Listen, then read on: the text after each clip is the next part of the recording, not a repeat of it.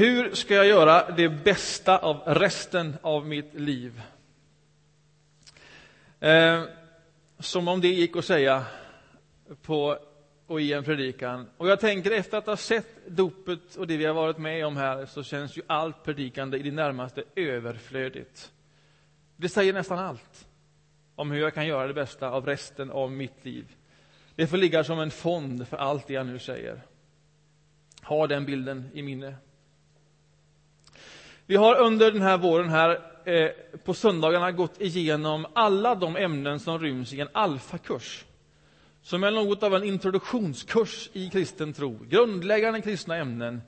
Eh, och så har vi tagit oss igenom dem eh, ämne för ämne eh, och nu är vi på den femtonde söndagen, kan ni tänka. Eh, och nu avslutar vi detta för den här gången. Och då är frågan, hur ska jag göra det bästa av resten av mitt liv? Alltså, om du nu efter en genomgången alfakurs känner att ja, men ett kristet liv, det skulle kunna vara mitt liv. Jag tror på Jesus Kristus, jag har tagit emot honom. Jag har också bett om att få bli uppfylld av helig ande. Vad är då det bästa du kan göra av resten av ditt liv? Om det nu är din utgångspunkt, hur ser det livet ut? Hur blir det mest och bäst från nu och framåt?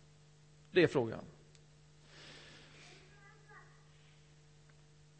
Jag tror för det första att allting inte bara då blir som det har varit. Det gör en skillnad att vara kristen. Det livet som nu ligger framför, det blir ett i många stycken annorlunda liv. Inte alldeles säkert ett enklare liv, men alldeles säkert ett annorlunda liv. Eh, det här läste jag eh, om en sluttentamen för en polisaspirant som gick på polisskolan i norra London, i Hendon. Han fick i sin tentamen en frågeställning som löd så här. Du patrullerar i Londons utkanter när det sker en gasexplosion på en gata i närheten. När du kommer fram till platsen upptäcker du att ett stort hål sprängts upp i gatan och en minibuss ligger omkullvält. Inifrån bussen känns en stark lukt av alkohol. Båda passagerarna, en man och en kvinna, är skadade.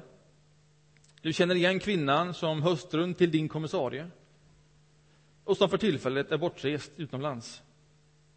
En förbipassagerande bilist stannar för att erbjuda hjälp och du märker att han är identisk med en man som är efterlyst för väpnat rån. Plötsligt kommer en man utrusande från ett hus och ropar att hans fru väntar barn och att smällen från explosionen har gjort så att förlossningen har startat. En annan man har svepts ned i en närbelägen kanal av den kraftiga explosionen och han kan inte simma och ropa på hjälp. Beskriv så kortfattat som möjligt vilka åtgärder du skulle vidta. Och polisaspiranten tänkte efter ett ögonblick. Sen tog han pennan och så skrev han Jag skulle ta av mig uniformen och blanda mig bland mängden.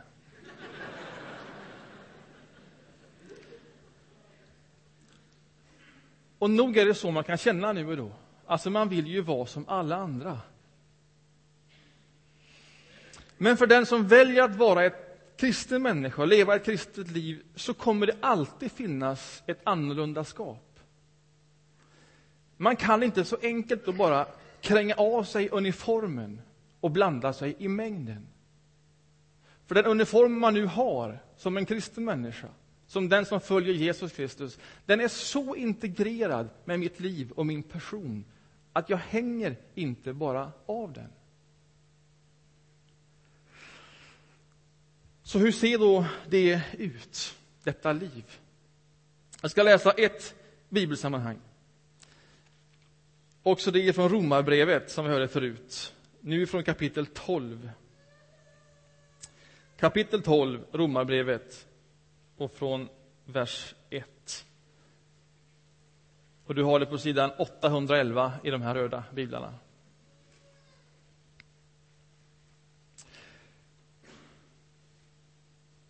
Det står så här. Därför ber jag er, bröder, vid Guds barmhärtighet att frambära er själva som ett levande och heligt offer som behagar Gud. Det ska vara er andliga gudstjänst. Anpassa er inte efter denna världen, utan låt er förvandlas genom förnyelsen av era tankar så att ni kan avgöra vad som är Guds vilja, det som är gott, behagar honom och är fullkomligt.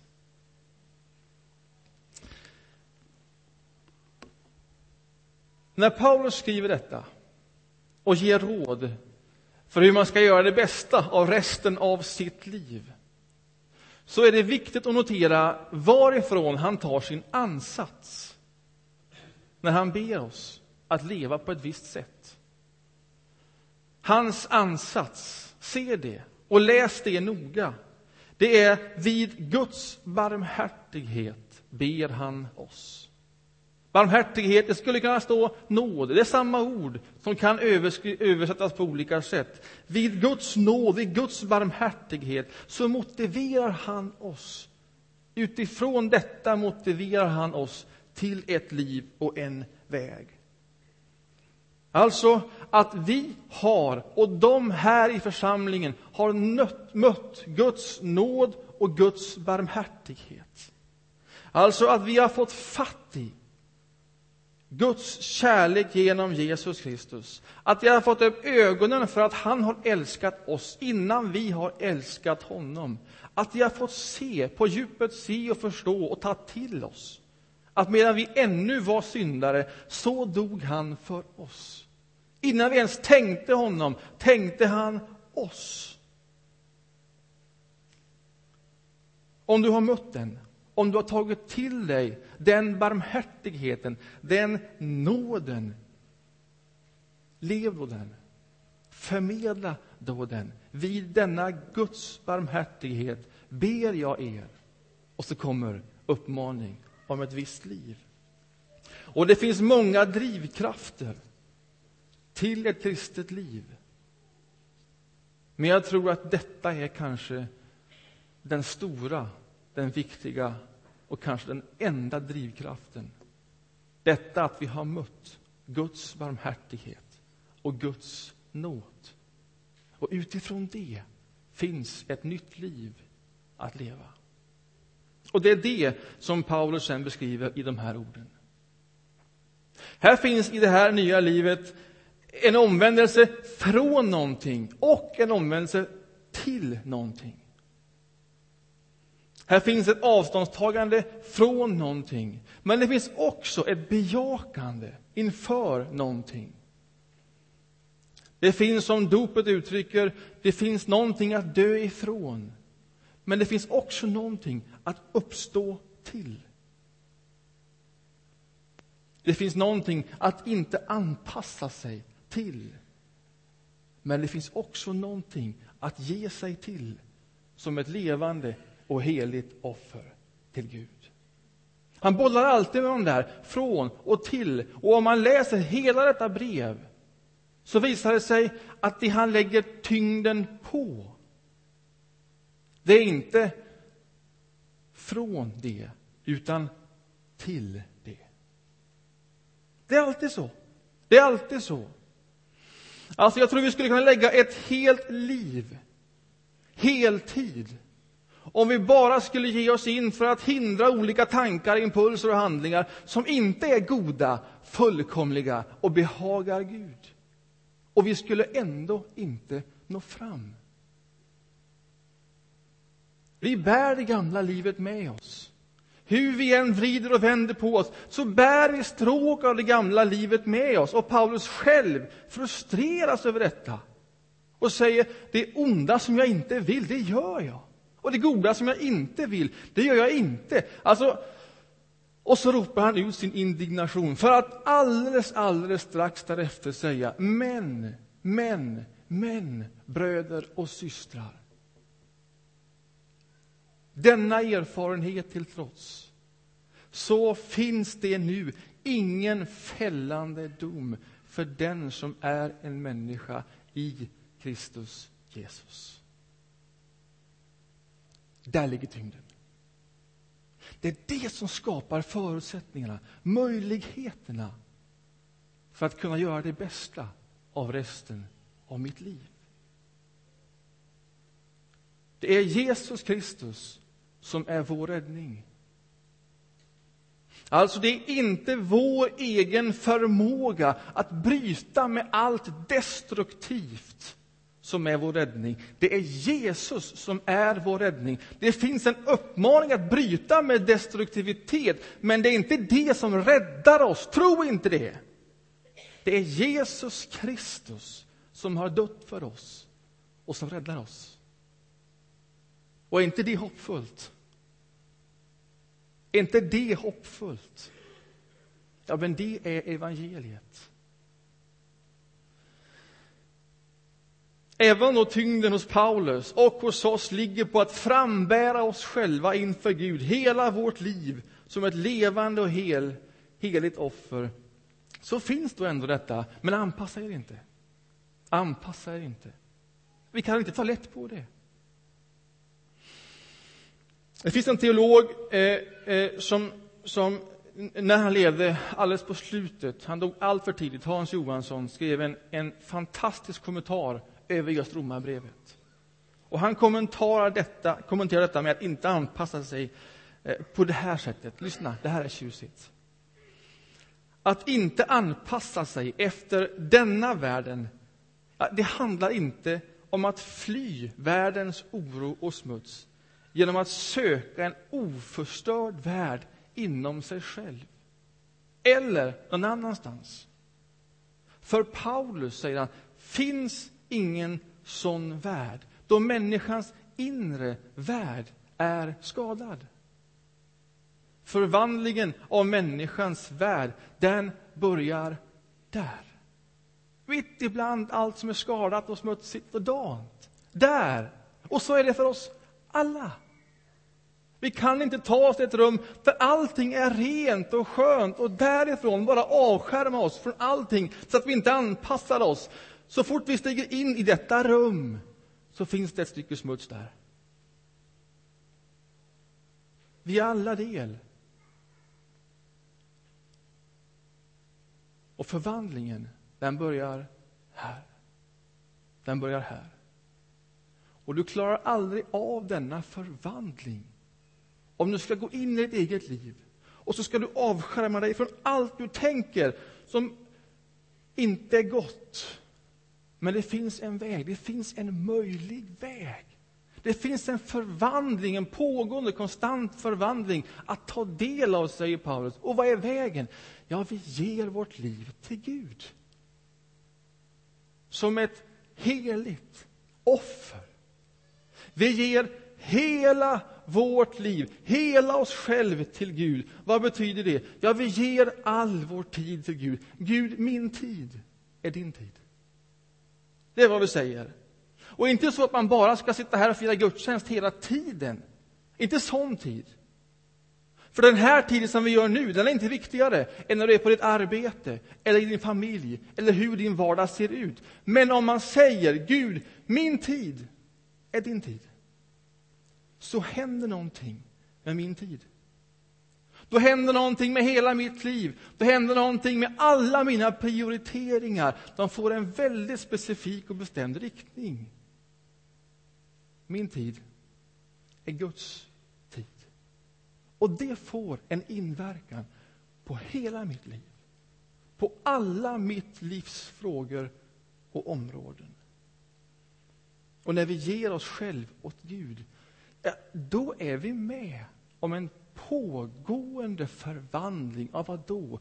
Av våra tankar, hur vi tänker. Alltså Guds vilja är inte bara att emotionellt på något sätt känna och så vet man och så går man i ett känslorus någonstans. Nej, att förvandlas. När jag säger Gud, min tid är din tid, då händer någonting med mitt tänkesätt.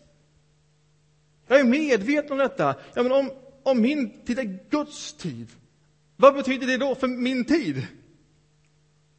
Så tänker vi, och vi får hjälp att tänka. om min tid är Guds tid. Vad betyder det för mig? Att i allt jag gör söka det som är gott. Det som är fullkomligt. Som behagar Gud. Ja, för det är ju det som är Guds vilja.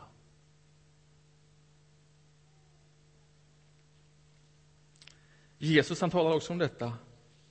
Och hans ord är sök först Guds rike och hans rättfärdighet. Samma innehåll. Sök först Guds rike. Och sen ska det andra tillfalla er också. Ja, han säger allt det andra ska tillfalla er. Alltså vågar vi tro så mycket om en människas ambition, så mycket om våra prioriteringar. Så om vi först söker det som är gott, det som är fullkomligt, det som behagar Gud. Om vi först söker Guds rike, då gör det någonting med allt det andra. Och allt det du drömmer om, det du tror att du drömmer om, för ett gott liv, ja, det ska bli ditt. Allt är ditt i Jesus Kristus. Om du går den vägen. Vågar vi tro det? Ja, det är ju så Jesus säger åtminstone. Och hur kommer detta till uttryck? Hur uttrycker vi det nya livet? Ja, man fortsätter läsa Romarbrevet, samma kapitel, så står det alldeles klart att denna vägen, att söka det som är gott och fullkomligt, inte handlar om abstrakta idéer och grejer, utan det kommer ner till hur vi hanterar varandra. Det första Paulus går på efter detta, det är hur vi här, i den här sortens gemenskap, hanterar varandra. Överträffa varandra i ömsesidig aktning. Så söker vi det som är gott och fullkomligt. Det är inte längre jag som står i första rummet, utan ni som står i första rummet. Och så stannar det inte i den här gemenskapen, utan han tar sig vidare till hela omgivning och sammanhanget. Och så säger han, när man förbannar, ja men välsigna då. Och när man förföljer, fortsätt att välsigna. Och håll fred med alla. Så långt det är möjligt och kommer an på er. Så söker vi Guds rike först. Och då, då ska allt, allt det andra komma med. Man kan förenkla detta och säga, alltså hur ska vi få fatt i Guds vilja, det som är gott? Ja, man kan väldigt enkelt ge en guideline. Om man söker Guds vilja, då blir människor viktiga. Det går inte att förstå på annat sätt. Om vi söker Guds vilja, då blir människor viktiga. Då blir människor viktigare än saker, på riktigt. Då blir människor viktigare än min egen ambition. Det är vad som händer när vi söker det som är gott och behagar Gud. Och det rör sig på alla, alla livets områden. Och jag vill kommentera tre områden, helt kort bara. Och så rundar vi av med det. Och det är tre klassiska områden. En treklöver, sex, pengar och makt. Här går ingen fri. Sex, pengar och makt. Sex först. Gud gillar sex. Gud har skapat sex. Han kom på idén med sex. Låt det vara klart. Det är en god gåva. Han ser inte ner från sin himmel och så säger han, kära någon. Var det så här det blev? Han överraskas inte av sexualitet. Det är en god gåva, sexualiteten. När man sitter i ett arbetslag, om man bara är män eller bara är kvinnor, så saknas någonting. Och när det blir ett delat arbetslag med olika kön i det, så händer någonting av spänningen i gruppen som rör sexualitet. Och det är en positiv spänning. Det är gott. Det händer någonting med arbetsgruppen. Så skulle fler styrelser sett ut. Men det finns ramar för denna goda gåva. Det finns ramar för hur sexualiteten, för hur sex brukas tas emot som en gåva. Och de ramarna, de är satt till, till livslånga löften mellan man och kvinna tillsammans. Det finns ramar, men det viktigare än ramarna, det är det fullständiga bejakandet inom de ramarna, som en god gåva. Att där helt och fullt ge sig själv till en annan människa och helt och fullt få ta emot en annan människa när det kommer till sexualitet och sex. Och att inte först och främst i det tänka på sin egen tillfredsställelse, trots behov, utan på den andres tillfredsställelse. Och när Paulus talar om sexualitet och just sex inom dessa givna ramar, då beskriver han det just så. Att det bygger på en total ömsesidig överlåtelse till varandra. Nu äger inte mannen längre sin egen kropp, det gör kvinnan. Och kvinnan äger inte sin egen kropp, det gör mannen. Så total är utgivandet inför varandra. Och i de ramarna, där, där när sex inte bara blir ett medel för min egen tillfredsställelse. När min partner inte längre bara blir ett medel för min egen tillfredsställelse. Där är det gott och fullkomligt och behagar Gud. Men här går många av oss en balansgång. Här begår det överbrott gång på gång, om men aldrig så små. När det man älskar blir någon som blir medel för min egen tillfredsställelse. Ja, här finns nog omvändelse att göra, här och var, skulle jag tro. Och jag läser i någon månadstidning som är skriven för 50-60-plussarna, kvinnorna. Och jag läser tidningen för att förstå er. Och i den tidningen där läser jag egentligen bara en enda röst. Ta för er. Ta för er. Nu är det er tur. Tidigare har det varit männen som har tagit yngre älskarinnor. Nu är det er tur. Ta nu yngre män till älskare. Ta för er. Och så ropar röster, inte bara till kvinnor 50-60 plus, utan så ropar de flesta rösterna. Ta för dig. Ta för dig. Och läser man Bibeln och söker man först Guds rike så är inte den största och viktigaste rösten ta för dig. Och den rösten kommer ju heller inte bara utifrån. Nej, nej, nej, nej. Den kommer ju inifrån. Den uppmuntras utifrån. Utan när man söker det som är gott. Också vad gäller sexualitet så är det den andra först. Den andra först. Den andra först. Och i ett totalt, ömsesidigt överlåtande till varandra. Och där är det gott, fullkomligt och behagar Gud.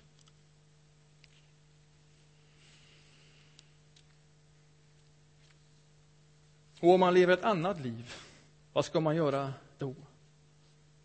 Ja, låt mig få uppmuntra oss med att den här boken, som vi kallar för Bibeln, det är en sammanhållen berättelse om människor som hela tiden, gång på gång, ges en ny och andra chans av Gud. Det är aldrig för sent. Det är aldrig för sent. Det är aldrig för sent för ett nytt liv. Ett nytt liv. Varje kväll är en möjlighet att få avsluta någonting och varje morgon är en möjlighet till ett nytt liv. Och Gud ger dig varje morgon möjligheten till ett nytt liv. Och ett nytt liv. Och läser du den här boken, då är du i gott sällskap. Vi är många som behöver ett nytt liv. Och ett nytt liv på livets alla områden. Detta är bara sex. Pengar är ju också spännande. Här läser jag en krönika i Metro för alldeles kort tid sedan. Där en ung kille beskriver sina framtidsambitioner så säger han ja, först ska jag tjäna min första miljon innan jag är, om det nu var 20 eller 25 år. Och sen, ja, och sen tänker jag, Alltså om det är den första ambitionen, den största ambitionen, att då ska jag ha tjänat min första miljon, är det inte bara så att det kommer stegra sig? När en miljon finns, ja men då finns det också 10 miljoner tillgängliga. Det finns en utväxling på det. Hur ska man annars förstå dessa obegripligt stora pensionsbelopp som är omskrivna? Vad är det vi vill uppnå? Om vi känner, ja, pengar, pengar vill jag tjäna. Åtminstone den första miljonen. Vad är det vi vill uppnå med pengarna? Vad är poängen med att eftersträva pengar? Hur mycket pengar kommer att tillfredsställa dig? När känner du att good enough? Kommer du någon gång till en sån punkt? Jag tror inte det. Jag tror inte det. Inte om grundambitionen är ja, bara en första miljon. Och tänk dig att du har levt ett helt liv, ett framgångsrikt ekonomiskt liv. Du har fått din första miljon. Det har blivit 10 miljoner. Det har blivit en rejäl pension. Hundra miljoner. Men bara tänk. Och så står du inför Gud. Och så frågar Gud, ja, vad gjorde du av ditt liv? Och så säger du, ja, först blev det en miljon. Sen blev det 10 miljoner.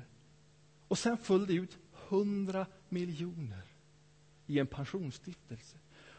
Och så säger Gud, ja men vad trevligt. Då kan vi spela Monopol. Eller vad ska han säga? Vad är poängen? Och om du söker det som är gott, det som är fullkomligt och det som behagar Gud, så måste det vara långt mycket mer viktigare att fundera ut vad ska jag göra med pengar om jag får pengar? Innan du får dem, helst. Eller hur? Och om du lever ett annat liv här, om du börjar med pengar, ja, men då är du i gott sällskap. Det här är en bok som beskriver människor som, som får en andra chans av Gud. Igen och igen och igen. Och du skulle nu kunna säga och låta människor verkligen bli viktigare än saker. Och formulera det för dig själv. Men vad ska jag med en ytterligare miljon till innan du får den? Eller makt. Makt är ett sånt område också, som vi uttrycker på olika sätt. Ja, men min ambition är att jag ska bli, jag ska bli rektor. Det finns många motiv till det kanske. Eller jag ska bli VD för ett stort företag. Ja, det spelar egentligen ingen roll hur stort det är, bara jag blir VD. Jag ska bli chef. Jag ska bli politiker. Jag ska bli församlingsföreståndare. Och tänk dig att du står inför Gud en dag. Och Gud frågar dig, vad blev det av ditt liv? Och så säger du, av mitt liv? Jag blev eh, statsminister. Och så säger Gud, nej men vad spännande. Någon sån har vi inte haft här förut va? Då får vi duka fint. Eller vad ska han säga? Vad ska han säga? Alltså om du får frågan över ditt liv. Vad var det viktigaste som hände i din karriär? Vad är det viktigaste ögonblicket? Hur svarar du på det? Ja, det var när jag blev VD, rektor, statsminister, vad det nu Det är väl ett fullständigt ointressant svar.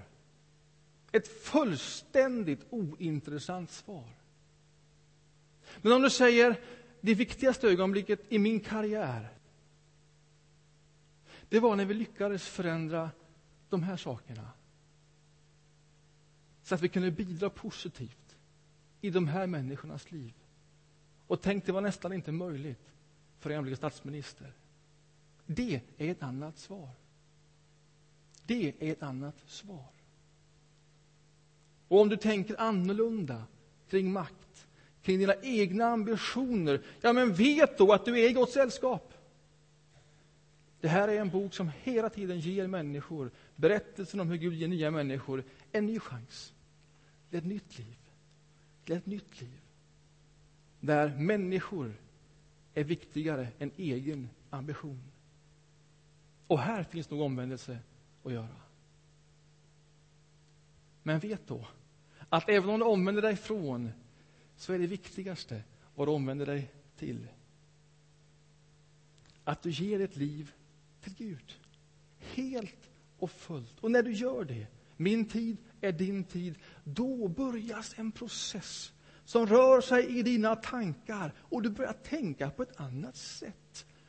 Och det blir viktigt för dig vad som är gott, vad som är fullkomligt och vad som behagar Gud. Det är Guds rike. Det är Guds vilja. Och det finns ju en paradox i detta.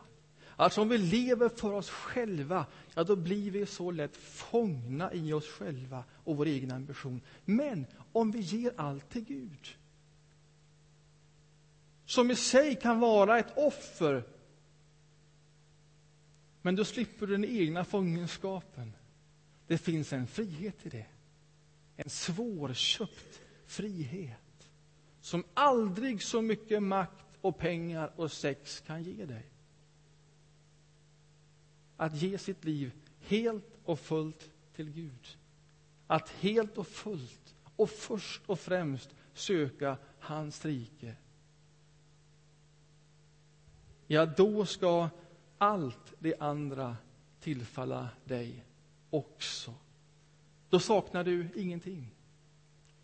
Allt det du söker, det finns i och genom och med Jesus Kristus. Så kan du göra det bästa av resten av ditt liv.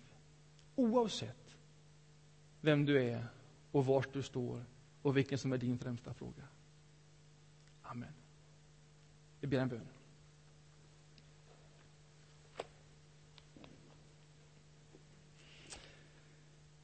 Jesus Kristus, tack för att du har visat oss en väg. Ja, inte bara en väg, utan vägen med stort V. Den vägen som du har tänkt för oss, som är god, som är fullkomlig och som eh, behagar dig. Jag ber för mig, jag ber för oss alla i det här rummet att inte, att inte låta någonting stå i vägen för när vi känner att vi behöver ge oss själva en, en andra chans, ett nytt liv. Låt det mod som behövs för att ta de steg som vi vet vi behöver ta, låt det mod få skänkas oss i detta nu. Amen.